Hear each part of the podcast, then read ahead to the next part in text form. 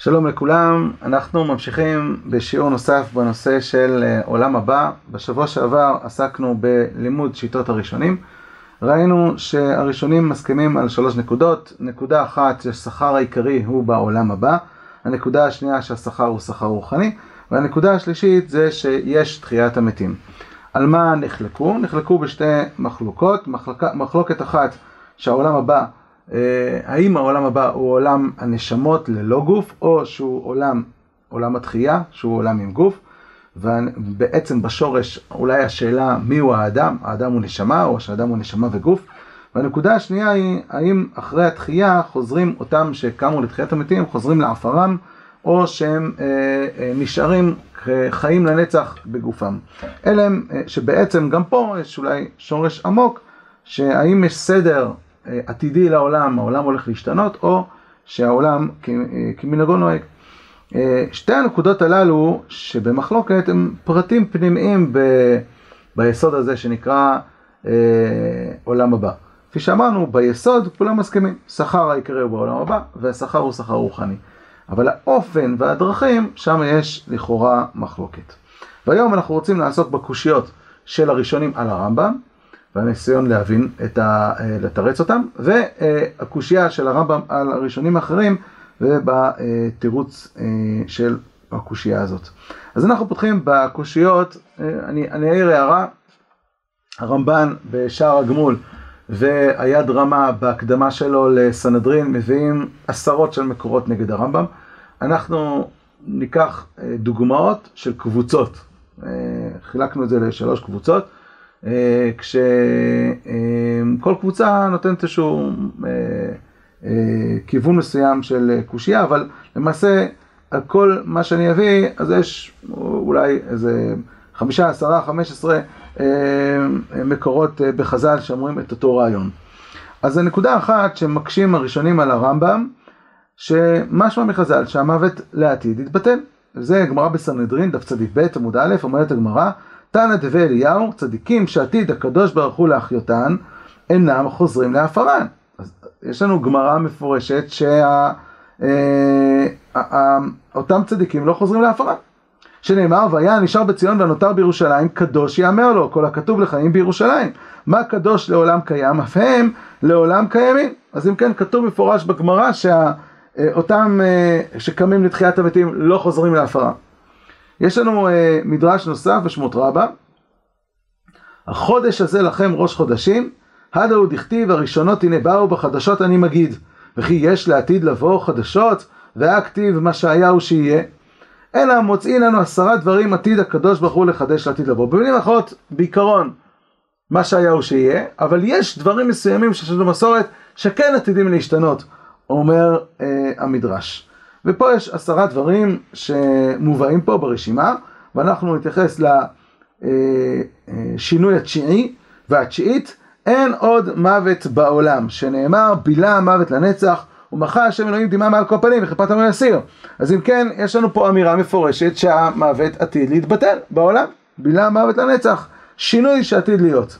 כך אה, אה, מקשים הראשונים על הרמב"ם.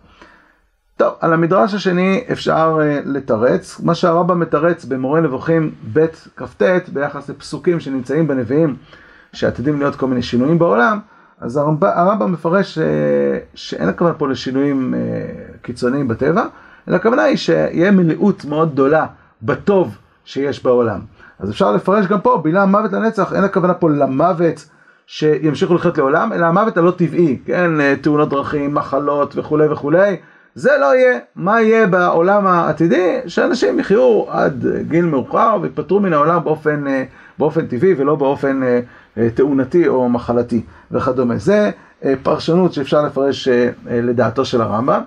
מה עם המדרש הראשון?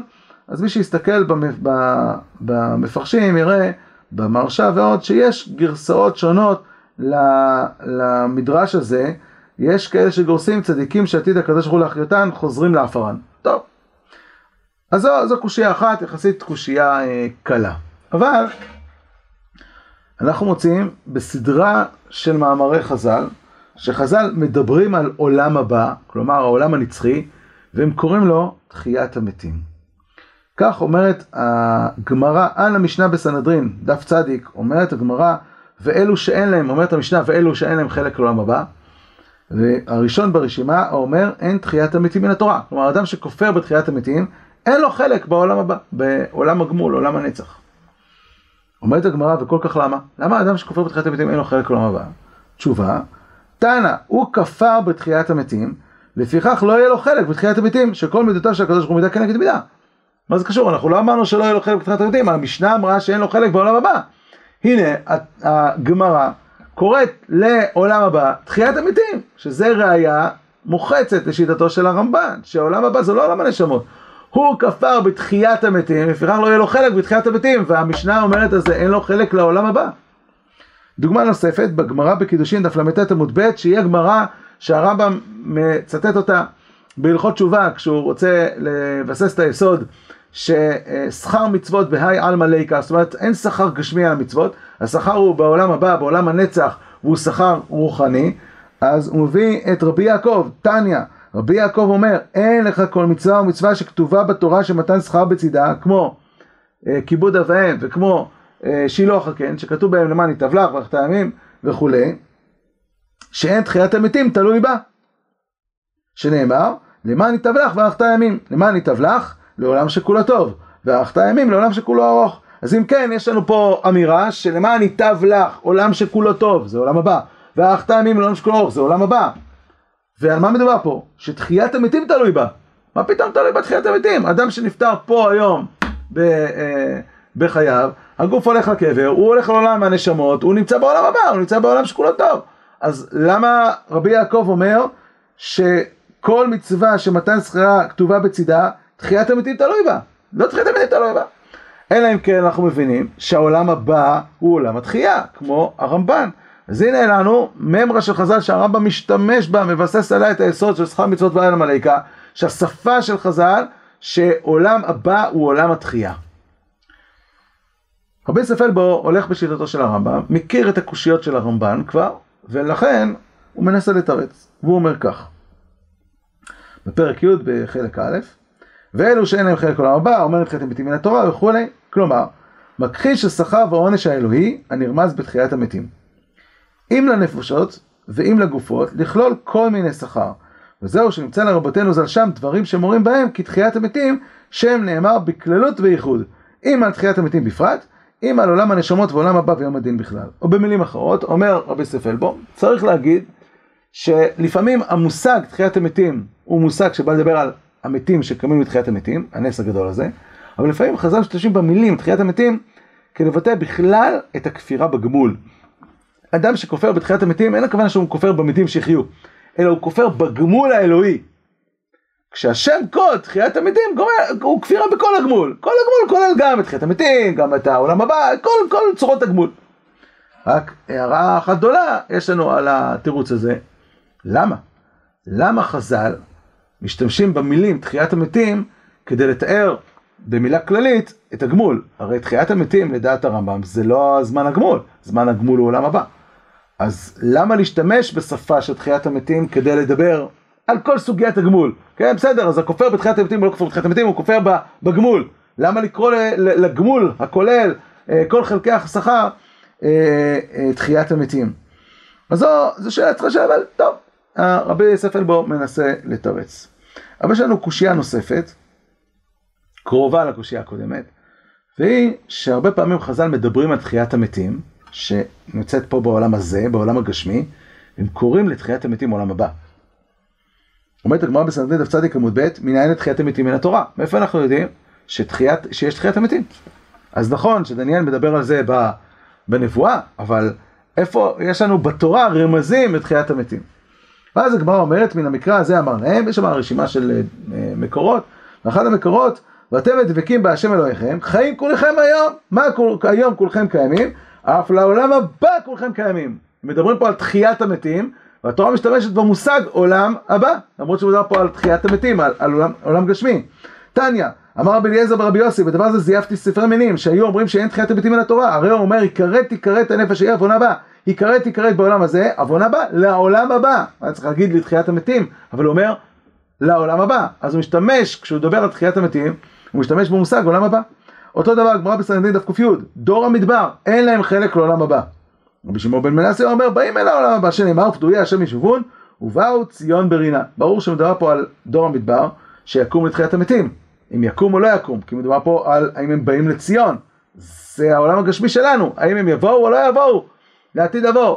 והשפה של חז"ל, אם הם באים לעולם הבא או לא באים לעולם הבא, קוראים לתחיית המתים עולם הבא.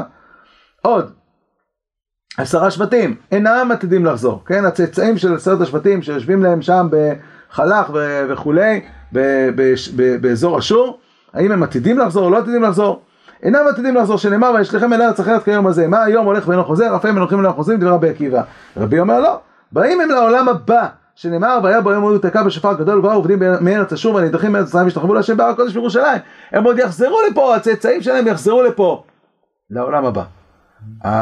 שוב פעם חז"ל קוראים לימי התחייה עולם הבא.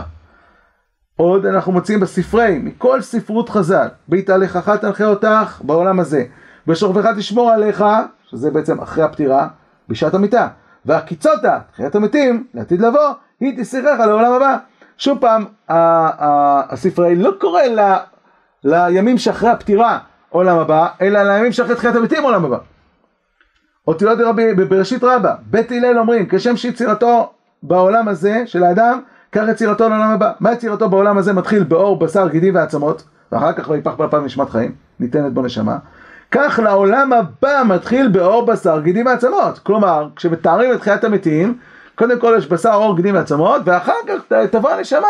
אומר, אומרים בית הלל, איך הם קוראים לזה? עולם הבא, יצירתו לעולם הבא. מדברים על תחיית המתים וקוראים לזה עולם הבא. אותיות לרבי עקיבא. ארץ החיים, ארץ שמתי החיים תחילה לעולם הבא. אם כן צדיקים שבחוץ לארץ כגון משה ואהרון, איך הם חיים ובאים לעולם הבא? מה יש להם לשאול? לפי הרמב"ם הם עכשיו נמצאים בעולם הבא. מה, יש לשאול על משה ואהרון? לא! מדברים פה על תחיית המתים, מלמד שבשעת תחיית המתים הקדוש ברוך הוא יורד משמי שמיים עליונים, יושב על כיסו בירושלים, קורא למלאכים, עושה להם מחילות. כל זה מדבר על תחיית המתים והמדרש וה, פותח ארץ שמתי החיים תחילה לעולם הבא. ארץ ישראל היא ארץ שהמתים חיים בה לעולם הבא ראשונים. עולם הבא, עולם של תחיית המתים. אם כן, כל השפה של חז"ל היא שפה רמב"נית. הרמב"ן מביא עוד הרבה מקורות מכל ספרות חז"ל שמוכיחה שעולם, שתחיית המתים נקראת בחז"ל עולם הבא, ולא עולם הנשמות. אומר רבי ספלו, הסבר. על כן הוזקקנו לומר, כי העולם הבא, שם נאמר בכללות וייחוד. נאמר בכלל על כל מדרגה ממדרגות שכר הנפשות אחר המוות, ונאמר בייחוד על המדרגה היותר גדולה שאפשר שתושג לנפש הצדיק הגמור. והיא המדרגה הבאה אחר תחיית המתים, כשתחזור הנפש לעולם הנשמות, לדעת הרמב"ם, ואותה מדרגה בייחוד תיקרא אחרי העולם הבא. אומר רבי ספר אלבור, גם לשיטת הרמב"ם, הרי אותו צדיק שנפטר עכשיו והולך לעולם הנשמות, הוא לא נמצא ממש בעולם הבא. למה? כי הוא עתיד לחזור לפה, אז בעצם העולם הזה, העולם הבא, שכרגע הוא נמצא בו, הוא לא העולם הנצחי, הוא עתיד לחזור, והוא גם לא הטוב הגמור. למה הוא לא הטוב הגמור? כי הרי הוא עתיד לחזור לפה, ואז לעלות עוד יותר במעלות גבוהות יותר ממה שהוא השיג עד עכשיו, כשהוא היה בחיי העולם הזה שלו לפני תחיית המתים, ולכן העולם הבא שעליו נאמר עולם שכולו ארוך, עולם שכולו טוב, הוא לא עולם הנשמות שכרגע נמצאים בו. הוא עולם הנשמות שאחרי שאדם חוזר פה לתחיית המתים ואז עולה שוב פעם לעולם הנשמות, הוא עולם הנצח, הוא עולם השכר הטוב השלם של הצדיק הגמור. אם כך, עכשיו זה מתרץ את כל הקושיות, גם את הקושיות הקודמות זה מתרץ. כי גם לשיטת הרמב"ם, העולם הבא, שהוא העולם העיקרי של השכר, הוא לא עולם הנשמות שכרגע הצדיקים נמצאים, אלא הוא אותו עולם הנשמות שהם יגיעו אליו אחרי תחיית המתים.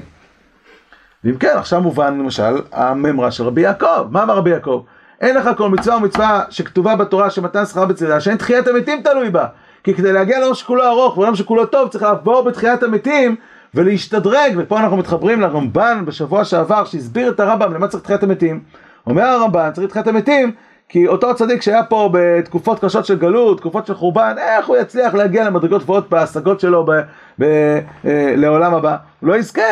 אז הוא צריך לחזור בתקופה צי, ששם יש לו פוטנציאל עצום לחזור לעולם הנשמות אחרי זה במדרגה גבוהה יותר, ולכן צריך תחיית המתים.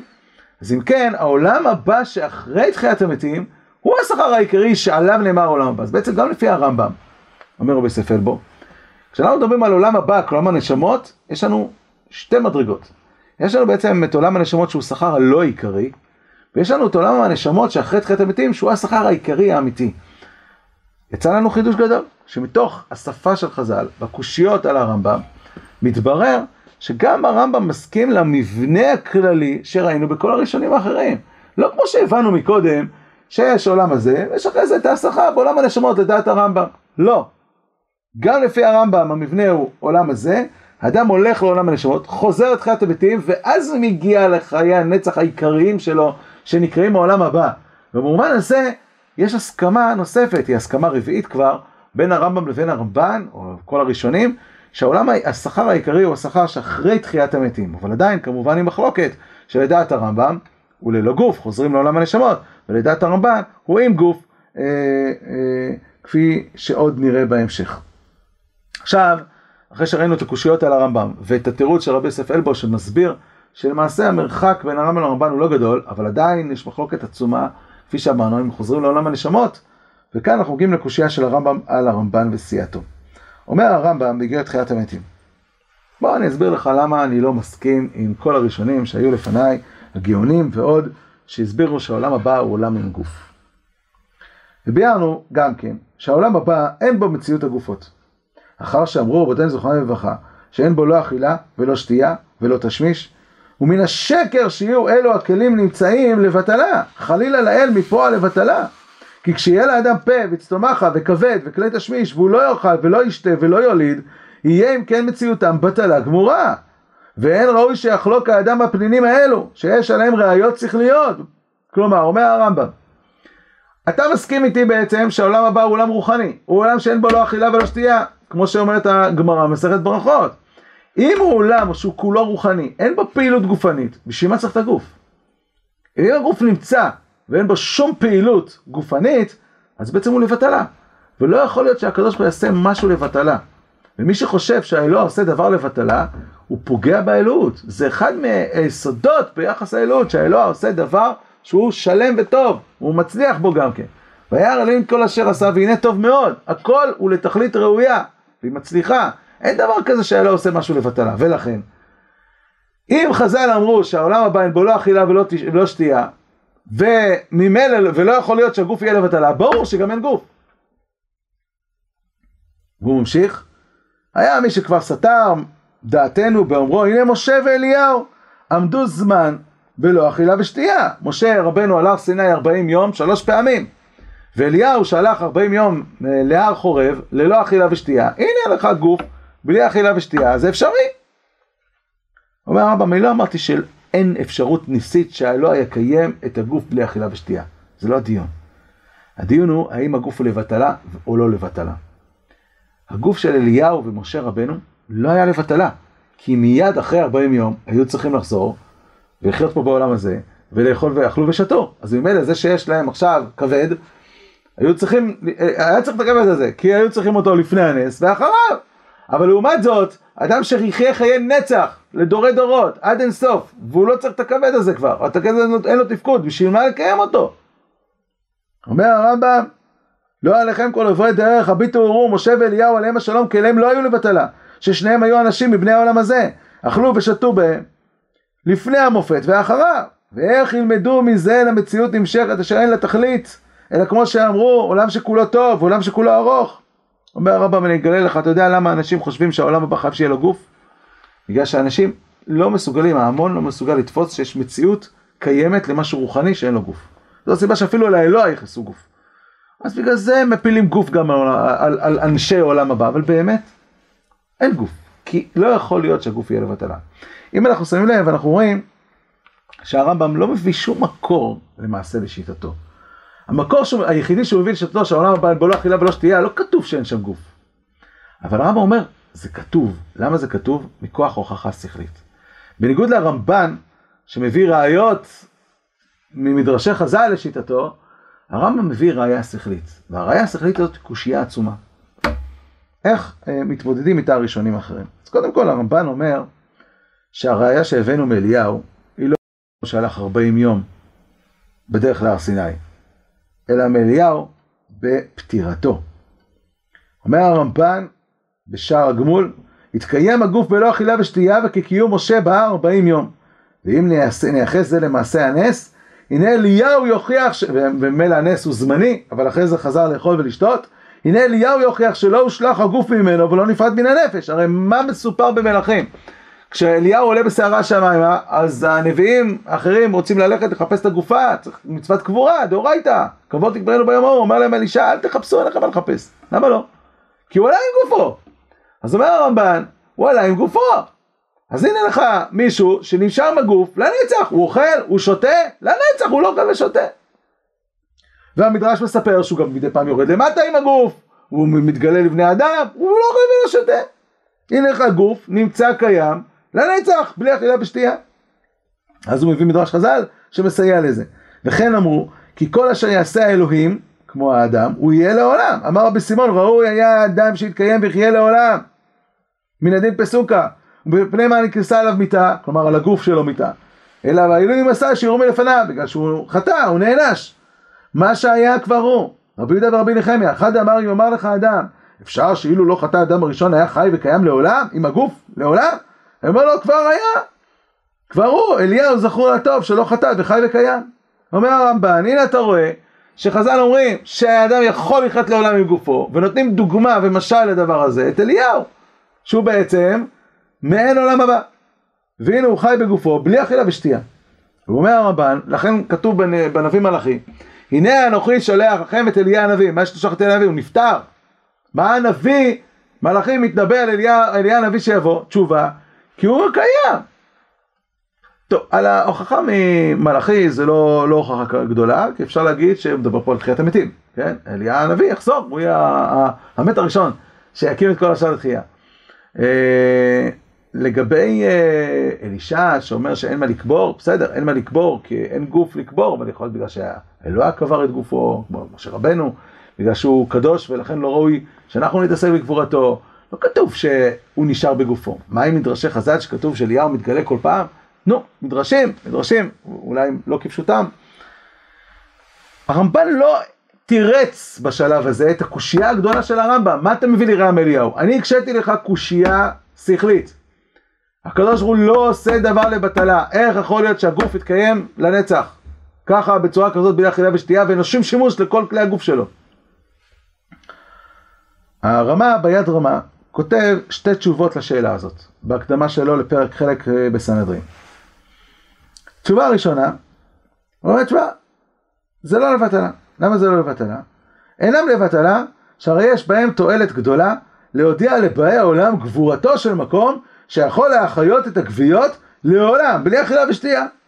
הוא אומר, תשמע, זה לא לבטלה, כי כל מי שרואה את הנס הזה, שאדם קיים, והוא לא אוכל ולא שותה, והגוף שלו נשאר חי, זה הוכחה לגבורת השם, זה נס עצום. מה הקושי הגדול הזה? נס גדול שנשאר לנצח, הוא הופך להיות טבע. אם הוא הופך להיות טבע, אז הוא כבר לא מרגש אף אחד. אז שוב פעם, נס שאם מדובר במשהו ארעי, אז מצוין. אם מדובר במשהו קבוע, אז חוזרת השאלה של הרמב"ם, שזה לבטלה, כי כבר זה לא מחזק שול אמונה כשרואים אדם שלא אוכל ולא שותה וקיים לעולם.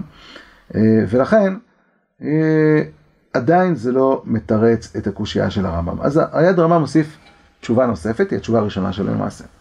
והוא כותב כך, והיא התשובה המהותית יותר. העולם הבא, האמור במשנתנו כפשטן של משניות ודברי התלמוד, וגם לפי הקבלה הפשוטה לכל ישראל, הוא עמידת הגוויות והנפשות לדין כאחת. כאשר היו קודם מיתתם. שהרי כתבנו שאין שכרן של הצדיקים ואין עונש של הרשעים אלא לעולם הבא. לפיכך אי אפשר בלא גוף. כדי אמר לאנטונינוס לרבי. מה הוא אומר? הוא אומר, אנטונינוס בא לרבי ואמר לו, תשמע, הנשמה יכולה לפתור את עצמה מהעונש על החטאים, וגם הגוף יכול לפתור את עצמו. כי הנשמה תגיד לקדוש ברוך הוא, תשמע, אני ברגע שעזבתי את הגוף, אני כבר לא חוטא. הגוף אומר לנשמה, אני ברגע שעזבתי את הנשמה, אני לא חוטא. אז אם ככה, שניהם פטורים. אומר לו, אז זה רבי, אומר לו, מה עושה הקדוש ברוך הוא? מביא הנשמה וזורקה בגוף ודן אותם כאחד. הדין של השכר או של העונש הוא הגוף ונשמה ביחד. כמו שהגוף והנשמה הם עובדים ביחד, וכל נקודת הבחירה בנויה על זה שיש גוף ונשמה. כך גם השכר חייב להיות ביחד. הדין ביחד והשכר ביחד. לא יכול להיות אחרת, אומר האדרמה. במילים אחרות, מה אומר האדרמה? האדם זה גוף ונשמה. האדם זה לא רק נשמה שמשתמשת באיזה גוף ואחרי זה הולכת לעולם הנשמות. האדם זה גוף ונשמה. הוא, נקודת הבחירה שלו בגוף ונפש, נקודת הדעת, זה שהקדוש ברוך הוא דן אותו זה בגוף ונפש, וגם השכר הוא בגוף ונפש, לא יכול להיות שהשכר יהיה רק לגוף, רק לנשמה. ולכן, אומר היד רמה, ברור שהגוף חייב להיות בעולם השכר, הוא לא לבטלה, הוא אמור להיות בשכר, ולזכות לשכר וליהנות בשכר. רק שכמובן, טוב, אז הגוף הוא לא לבטלה כי הוא צריך להיות בעולם השכר, אבל איך הוא נמצא בעולם השכר ואין אכילה ואין שתייה ואין את כל ההנאות הגשמיות, אז מה השכר שלו? דרך אגב, אותה, אותם משפטים אנחנו מוצאים גם בראשונים האחרים שהלכו עם ה... בקו הזה של הרמב"ן, הרשב"א למשל כותב בחידושי האגדות בבבא בתרא, דף ע"ד, שכל חלקי הצדיקים, רצה לומר הנפשות, הגופות כנפשות, עבדו את השם יתברך, למה שהם לא היו בשכר, כן? וכך גם אה, הרמח"ל בדעת תבונות ועוד, אומרים את היסוד הזה, שברור שהגוף צריך להיות בעולם השכר, אבל איך הוא נמצא בעולם השכר והוא לא מקבל שכר, כי השכר הוא שכר רוחני ואין גשמיות, אם אין גשמיות, אין שכר שלו, הוא נמצא בתענית עצומה כל חייו, לנצח, זה הסבל הכי גדול שיש, אז איפה השכר שלו? אז אומר הרמב"ן במקור, במקור מספר 10 פה בדף, ב, אה, שם בשער הגמול, ואם תשיב עלינו בהיות הגוף מחובר מכלי השימוש לפעולת הנפש, כלי המזון, כלי הזרע, תיקון הגוף, והגוף בכללו, צורך מציאותו, היה בעבור תכלית אחת, הוא אכילת המזון, לקיום הגוף ולהוליד דמיונו, להוליד ילדים, וכשתסתלק התכלית ההוא לעולם הבא, אין בו לא אכילה ולא שתייה, יהיה הגוף פועל ריק, ואין מעשה האלוה פועל בטל, עד כאן קושיית הרמב"ם. אומר הרמב"ם, הנה התשובה לכל זה, שיש בצורה הזאת, צורה, הכוונה צורת האדם, צורת הגוף שלו, המבנה הגופני שלו, סודות עמוקים. כי לא הייתה יצירה על זה הדמות הפקר בלותם. רק כצורך גדול ולטעם נכבד והעושו יתברך רוצה בקיומו. אומר הרמב"ן, יש בצורה הזאת של הגוף סודות. וכיוון שיש סודות, הקדוש ברוך הוא רוצה בקיומו. במילים אחרות, הרמב"ן אומר לנו, תקשיב חביבי, השאלה מה התפקיד של הגוף בעולם התחייה, או בעולם הבא, ולמה למה יש לו ייעוד, ומה התכלית שלו אם הוא לא אוכל ולא שותה, יש בדבר הזה סודות, הסודות האלה קשורים לצורה של הגוף, ויותר מזה אני לא יכול לבאר לך. אז מה שהרמב"ן לא ביאר, ביארו אחרים אה, אחריו. אה, והדברים הללו למדנו אותם כבר אה, באחד השיעורים הקודמים, שעסקנו ב... במאמר של חז"ל דיברה תורה כלשון בני אדם, כלומר שהתורה השתמשה בשפה גשמית כדי לתאר את הפעילות של הקדוש ברוך הוא בעולם. הסברנו שלוש רמות של הסברים, כאשר הרמה השלישית הייתה שהאלוה משתמש בשפה הזאת, או התורה משתמש בשפה הזאת, המקרא משתמש בשפה הזאת בגלל שהאדם בגוף שלו נברא בדמות ומשל לכל סדרי ההשגחה האלוקית בעולם. כפי שראינו ברמח"ל בדעת תבונות, למה לאדם יש עין? כיוון שהאלוה משגיח על העולם, אז האדם נברא עם עין כאין, כן, משל להשגחה האלוקית בעולם. במילים אחרות, העין האמיתית זה ההשגחה האלוקית בעולם, וכנגדה נברא האדם במשל שיש לו גם עין. והאלוה ששומע את תפילות בני ישראל, תפילות הצדיקים, אז כנגד זה נברא לאדם אוזן, שמסוגל לשמוע, וכן הלאה, בעצם כל אברי הגוף שלו הם משל ודמיון לכל סדרי ההנהגה האלוקיים. עכשיו אנחנו טיפה מרחיבים ומעמקים את הנקודה הזאת. אה, אומר הרמח"ל בדעת תבונות סעיף ע"ח עד סעיף פ', אני אגיד כמה משפטים בעל פה, אומר אה, הרמח"ל שלמעשה יש בעולם, אם אנחנו לוקחים את כל סדרי ההשגחה האלוקיים, אפשר לחלק אותם לשניים. כן, בשפה הפנימית זה נקרא שמאל וימין, או אה, אה, השפעה, הערה וצמצום והסתר. למעשה, הכל בנוי מ-0 ו-1. יש השפעה והערה, ויש הסתר של ההערה. ככל שיש יותר הסתר, אז כך גם, וההערה היא מצומצמת, אז ככה המציאות בפועל היא מציאות יותר רחוקה מהאלוקות, היא יותר גשמית, היא יותר חומרית. ככל שיש יותר הערה ופחות הסתר, ככה מציאות שנוצרת מה, מההערה הזאת היא, היא רוחנית יותר, היא גבוהה יותר, יותר קרובה אל האלוקות. אז למעשה, הבריות בעולם מתחלקות לשניים. כל הבריות הרוחניות, אפשר לקרוא להן שהם נבראו בהערה גדולה והסתר מועט, וכל הבריות הגשמיות נבראו בהסתר מאוד גדול ובהערה מועטת.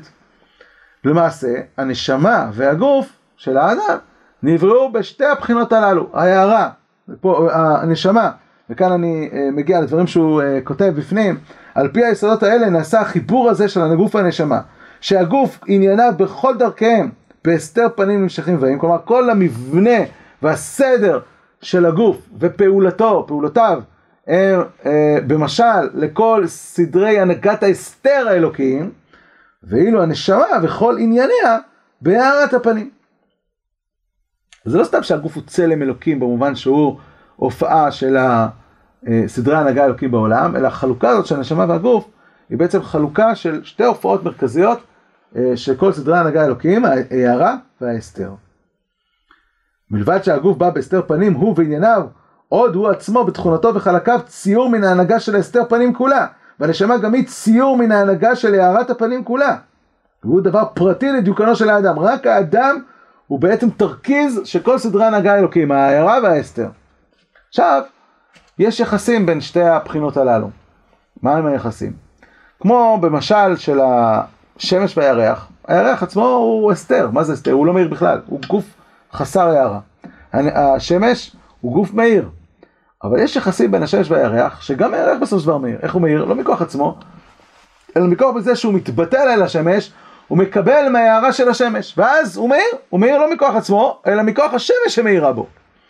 גם הגוף של האדם, או כל הנמצאים הגשמיים, כל עולם ההסתר, כל עולם החומר, הוא מצד אחד בהסתר פנים, אבל הוא מצד עצמו, אין לו יכולת uh, להעיר, אין לו יכולת להיות רוחני, אבל הוא יכול להתבטל אל הנשמה, הגוף יכול להתבטל אל הנשמה, על ידי שהוא מתבטל אל הנשמה, היא מאירה בו, ויכולה בעצם להעלות אותו לעולם שלה.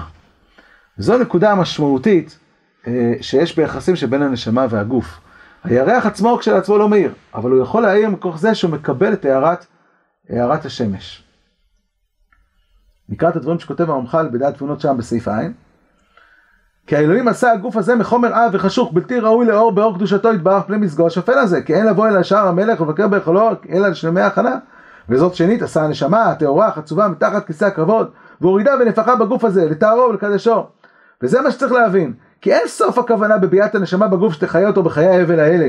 אבל עיקר בואה בו הוא לזכך אותו זיכוך ממש, להעלותו משפל מדרגתו החומרית והחשוכה אל המדרגה העליונה, להיות כמלאכי השרת. כלומר, כוח הנשמה להאיר בגוף, וכוח הגוף להיות בטל לנשמה באופן כזה שהוא יוכל בעצמו לשנות את מצבו. הוא יוכל בעצמו להשתדרג, לא מכוח עצמו, אלא מכוח שהנשמה מאירה בו, עד, עד כדי כך שמה שיענג אותו, מה שישמח אותו, מה שירחיב אותו, זה העינוגים הנשמתיים, זה ההשגה באלוה. מה שיקיים אותו זה השגה אלוקית, לא האכילה והשתייה וכל אה, ההנאות הגשמיות. אז זה המיוחדות שיש בגוף, הוא מצד עצמו חומר, אבל הוא מסוגל לקבל את הערת הנשמה ולהשתנות ולהזדכך. הרמח"ל חוזר על זה בדעת תבונות, סליחה, בדרך השם, בחלק א' פרק ג', מדבר על הנשמה כשהיא נמצאת בעולם הנשמות. הוא אומר היא נפסדת. שהיא כבושה בעצמה ואינה יכולה לפשט זעריה, ועוד שאינה פועלת את הפעולה הראויה לה, שהיא זיכוך הגוף. ואם היא הייתה פועלת אותה, הייתה משתלמת בזה שלמות גדול, כי הנשמה, במה היא מדמה לבורא? בזה שהיא מזככת ומאירה ומרוממת את הגוף, את החומר.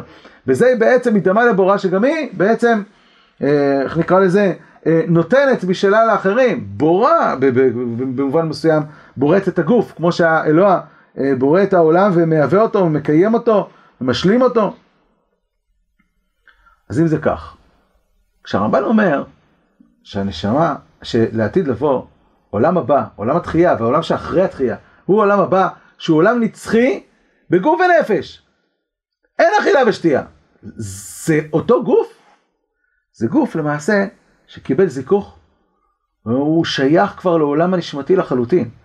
הוא כפי שראינו ברשב"א בשבוע שעבר, יש שלבים ראשונים אחרי תחיית המתים שיש אכילה ושתייה, בקדושה אבל. והאכילה בשתייה, ושתייה בקדושה הולכת ומזככת את הגוף, באופן כזה שהנשמה ממשיכה להעיר בו עד שכבר לא מעניין אותו בכלל האכילה והשתייה והוא הולך בדרכי נשמה והוא מתענג דווקא בעניינים הנשמתיים, כבר לא מעניין אותו בכלל האכילה והשתייה והוא בעצם משתנה ומקבל מציאות חיים חדשה.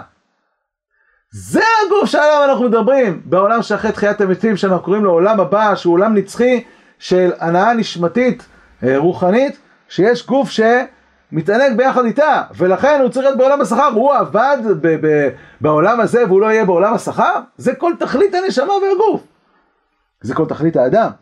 כותב רבי אהרון הלוי הרעה תלמיד הרמב"ן כי כשיגיע זמן תחיית המתים יחדש הקדוש ברוך הוא לכל אחד מהצדיקים גוף באותו מזל לגמרי שהיה לכל אחד ואחד מהם תחילה שווה בשווה ויעמדו ויאכלו וישתו ויולידו.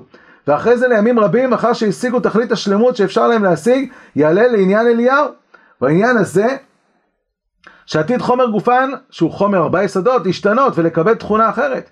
ויהיה חומר גופן כאין יסוד פשוט קיים קל לתנועה בעיר המראה כמעשה לבנת הספיר נעלם הרעות כעניין אליהו מוכן לקבל זוהר אלוהים ואור פני חיים כמעשה הלבנה שהוא גוף מקבל הוראה, הוא, הוא היא עצמה לא מהירה, אבל היא גוף מקבל הוראה. על כן אמרו בברכת הלבנה עטרת תפארת עמוסי ועדן, שגם הם מטרידים, הם הצדיקים עתידים להתחדש כמותה. רוצה לומר אחת חיית המתים, שישתנה גופם ויקבל תכונה אחרת. וזה עניין פשט עץ החיים, אשר אוכל מפירותיו, נכון גופו לקבל תכונה זאת, ואכל וחי לעולם, וזה נרמז במעשה בראשית וכולי. אז אם כן, אנחנו מדברים על גוף, על גוף שבעצם שהזדכך והשתדרג וקיבל תכונה חדשה. עד כדי כך, אומר הרמח"ל בדעת תבונות, שמדרגת האדם לפני שהוא חטא, שאז הגוף שלו היה מזוכח, שהיה פועל אה, פעולות, מצד אחד הוא אוכל ושותה, אבל uh, כולם בקדושה, מדרגת הפעולות הגופניות שלו לפני החטא, הם כמו הפעולות שלנו הנשמתיות היום פה בעולם הזה. כלומר, היום שאנחנו מתפללים ועוסקים בענייני קודש, מדרגת החיים של הנשמה שלנו היום פה בעולם הזה, היא כמו מדרגת החיים של הגוף של אדם הראשון לפני שחטא. ואז מוסיף הרמח"ל, ומדרגת הנשמה שלו, אז לפני שחטא, היא תהיה מדרגת הגוף שלו של, של העתיד לבוא. כלומר, כשאנחנו מדברים על גוף לעתיד לבוא, אנחנו מדברים על גוף שהוא קיבל מציאות חיים חדשה, שרמת המציאות הזאת גבוהה מאוד מאוד. אה, אה, למרות שהיא גוף, למרות שזה גוף, זה לבוש של הנשמה, וזה לבוש של הנשמה שכבר חי במציאות, השתדרג למציאות אה, חיים אחרת לגמרי. וזה בעצם תשובת הראשונים לשאלת הרמב"ם על למה צריך גוף בעולם הבא, הרי הוא לבטלה. התשובה היא לא לבטלה, הוא נמצא בעולם השכר, הוא מתענג בשכר, וזה שאין בו אכילה ושתייה, זה, זה לא אומר שהוא לבטלה, כיוון שהוא משתדרג והזדכך והגיע לקומה שהוא לא זקוק לאכילה ושתייה, והעינוגים שלו הם אה, העינוגים הנשמתיים. אם זה כך, אז מה עשינו? מה, מה שעשינו פה, הבאנו את הקושיות של הרמב"ם, של הראשונים על הרמב"ם. וראינו שגם הרמב"ם מסכים שבעצם העולם הבא שעליו הוא מדבר, המרכזי, הסופי, הוא לא עולם, עולם הנשמות עכשיו, הוא עולם שאחרי התחייה. מצד שני, גם הרמב"ן, כשהוא מדבר על עולם הבא, שהוא עם גוף, עולם שאחרי תחיית המתים, זה לא גוף אה, גשמי, חומרי, אלא זה גוף מזוכח, ובעצם אה, שהוא מצד עצמו עולם אה, לא, לא שייך לעולם, לעולם הרוחני, אבל מכוח הנשמה, היא מזככת אותו ומעלה אותו למקום הזה. אם זה כך, האם על, על זה דיבר הרמב"ם שהעולם הבא אין בגוף? לא. כי הרמב"ם לא הביא שום ראייה מהגמרות או מראשונים או מאיזשהו מקור שעולם הבא אין בו גוף. הוא אמר, תשמע, אין בו אכילה ושתייה, ומילא אין גוף שזוקק אכילה ושתייה, והוא לנצח. האם הרמב"ם אמר שגוף כזה שהוא מזוכח והוא מדרגת חיים כמו הנשמה, הוא לא יהיה לעולם הבא? לא, על זה הוא לא דיבר. אז אם זה כך, יוצא שהמבנה אה, שאנחנו רואים כאן הוא מבנה שגם הרמב"ם וגם הרמב"ן מסכימים לו. שניהם מסכימים למבנה הזה של עולם הבא שהוא אחרי תחיית המתים שהוא השכר העיקרי ושניהם מסכימים למבנה שאין גוף במובן הגופני שקיים לנו היום אלא זה גוף שהולך ומזדכך והולך בדרכי הנשמה. אה, אם זה כך אז מה בעצם המחלוקת? או נשאל את זה בזווית, אה, בזווית אחרת למה כל אחד בעצם הדגיש משהו אחר? אם יש לנו פה מבנה אחד שכולם מסכימים לו וזה המושג עולם הבא ביהדות, אז למה הרמב"ם כל כך נלחם בנקודה הזאת להדגיש שאין גוף, והרמב"ן כל כך אה, נלחם להדגיש שיש גוף, אז הוא כך, אבל יש גוף. בעצם למעשה אפשר להגיד שתי נקודות. נקודה אחת היא שזה המטרה החינוכית.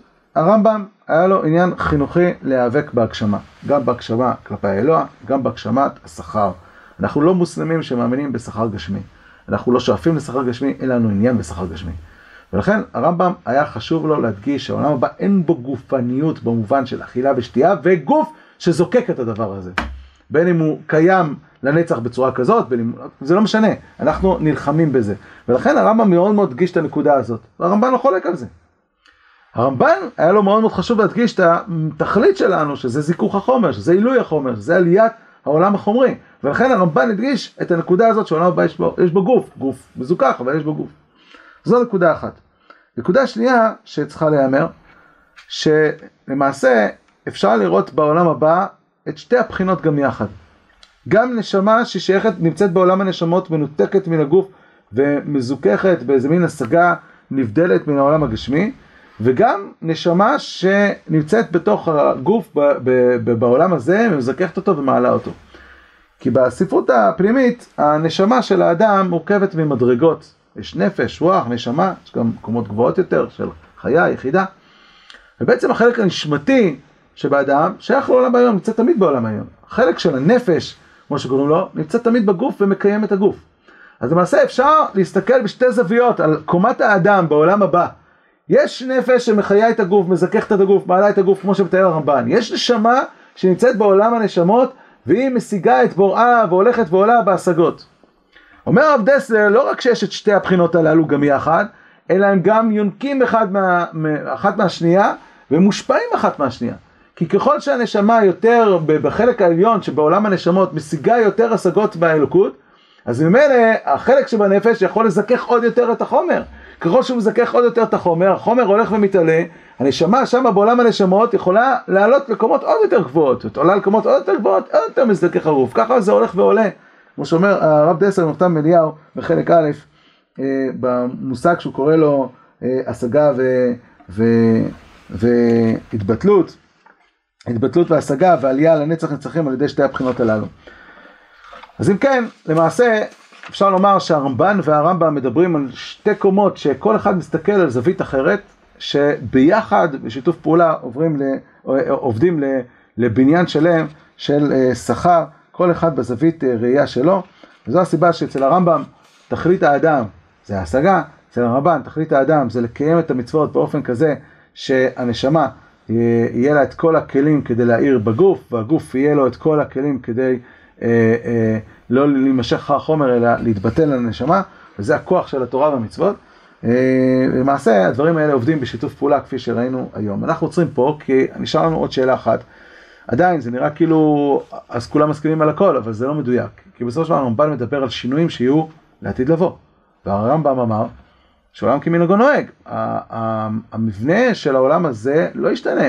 הנשמות חוזרים לעולם נשמות, אחרי תחיית המתים וכולי. אז גם נגיד חוזרים, יש גוף וזוכח, אבל העולם הזה לא אמור להשתנות, לפי הרמב"ם לכאורה.